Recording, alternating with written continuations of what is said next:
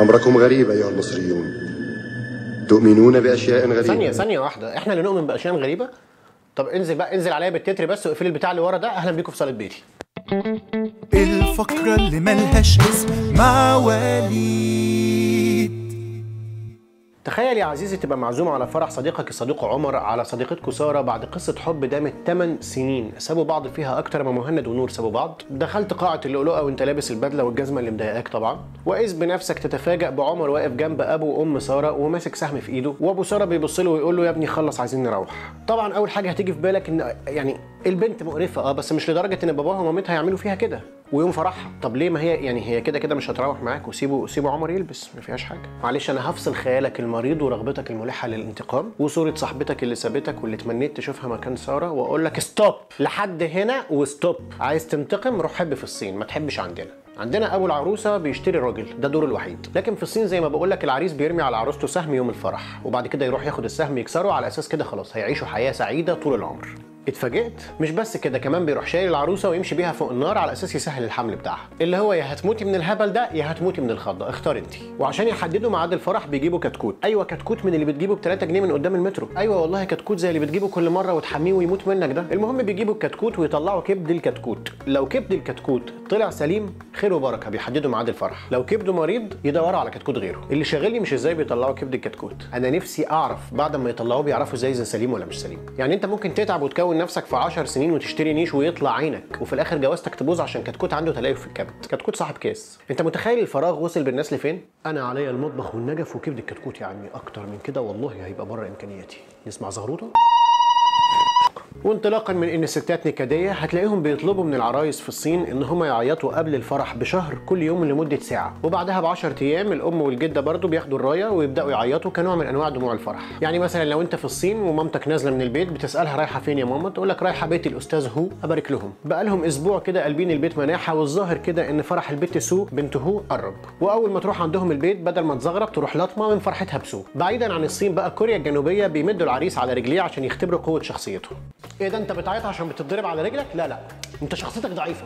تسيطر على مراتك إزاي وانت مش مستحمل شوية الضرب دول؟ لا لا يا ام سماح مش هيقدر يسيطر عليها الواد ده. لا ده خرق. هي شخصية الراجل إيه غير كام عصاية على رجله؟ ده أنا وأنا قدك يا ابني حماية مديني بسيخ بنا ولا فتحت بقي. شوفوا لنا واحد يتمد وهو ساكت بقى بلاش وجع دماغ. وطبعا أي حاجة غريبة لازم نجيب سيرة الهند. في الهند يا سيدي الفاضل العروسة هي اللي بتتقدم للعريس وهي اللي بتدفع المهر. ومش بس كده أهل العريس بيقولوا لها لستة أوامر وطلبات وممكن توصل لدرجة إن هي تشتري له عربية. طبعا أنت عينيك نورت وقررت تسمي نفسك راجو وعلى الهند جري. قبل ما تاخدك الحماسة وتبدأ تقول لي يلا باي سابق أنا أنت سوا سوا يطلع نفر هند. أنا ما في خوف منكم فيل أحب أقول لك إن هم عندهم كمان عادة إن أبو العروسة هو اللي بيغسل رجلين العريس باللبن والعسل. أنت متخيلة إن أنت أبوكي عشان يخلص منك عنده استعداد يغسل رجلين راجل قدام الناس باللبن والعسل؟ هو المشكلة مش هنا حضرتك لحد هنا أنت مبسوط. المشكلة إن بعد ما يخلصوا غسيل لازم أنت تشرب اللبن والعسل ده. فاجئتك مش كده؟ هذا نفر يرجع بيت ملكفيل أنا ما في يشرب هذا كرة. ما في يشرب هذا كرة. في ويلز بقى عارف ويلز دي فين؟ ابقى دور عليها. ما أنا مش كل حاجة هقولها لك على الجاهز يعني. اتعب شوية. مش show ثقافي هو مش برنامج وثائقي.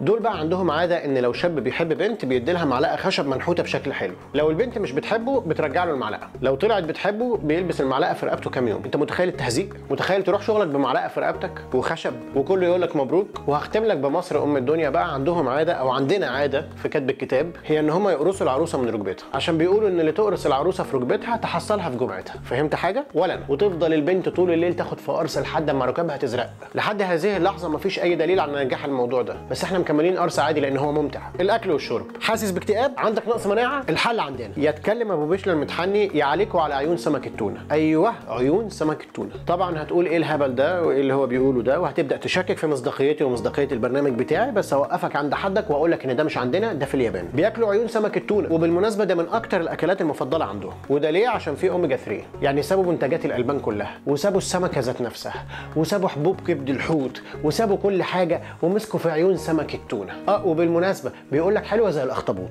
هتقول لي أنت كلت أخطبوط قبل كده؟ أقول لك آه يا حبيبي كلته بعد ما اتباع لي بالغلط على إن هو صبيط ثم مش دي قضيتنا مالك أنت ومال قصة الصبيط بتاعتي؟ مين اللي كاتب الكلام ده؟ مريم؟ ماشي. عايز أوميجا 3 انزل الصيدلية اشتري كبد الحوت. مستغرب قوي عين التونة وأنت بتشتري كبد الحوت؟ مناعتك ضعيفة ورقة وقلم ومعايا يا ست الكل.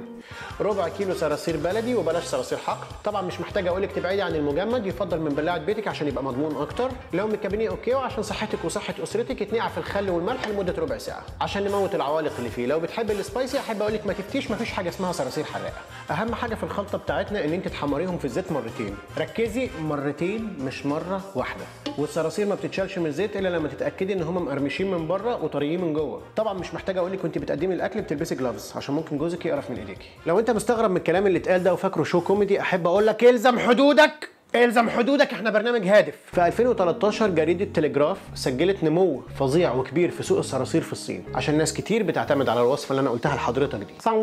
لقد كنت أعاني من ضعف المناعة ولكن الآن بعد طبق الصراصير ده أصبحت بصحة جيدة.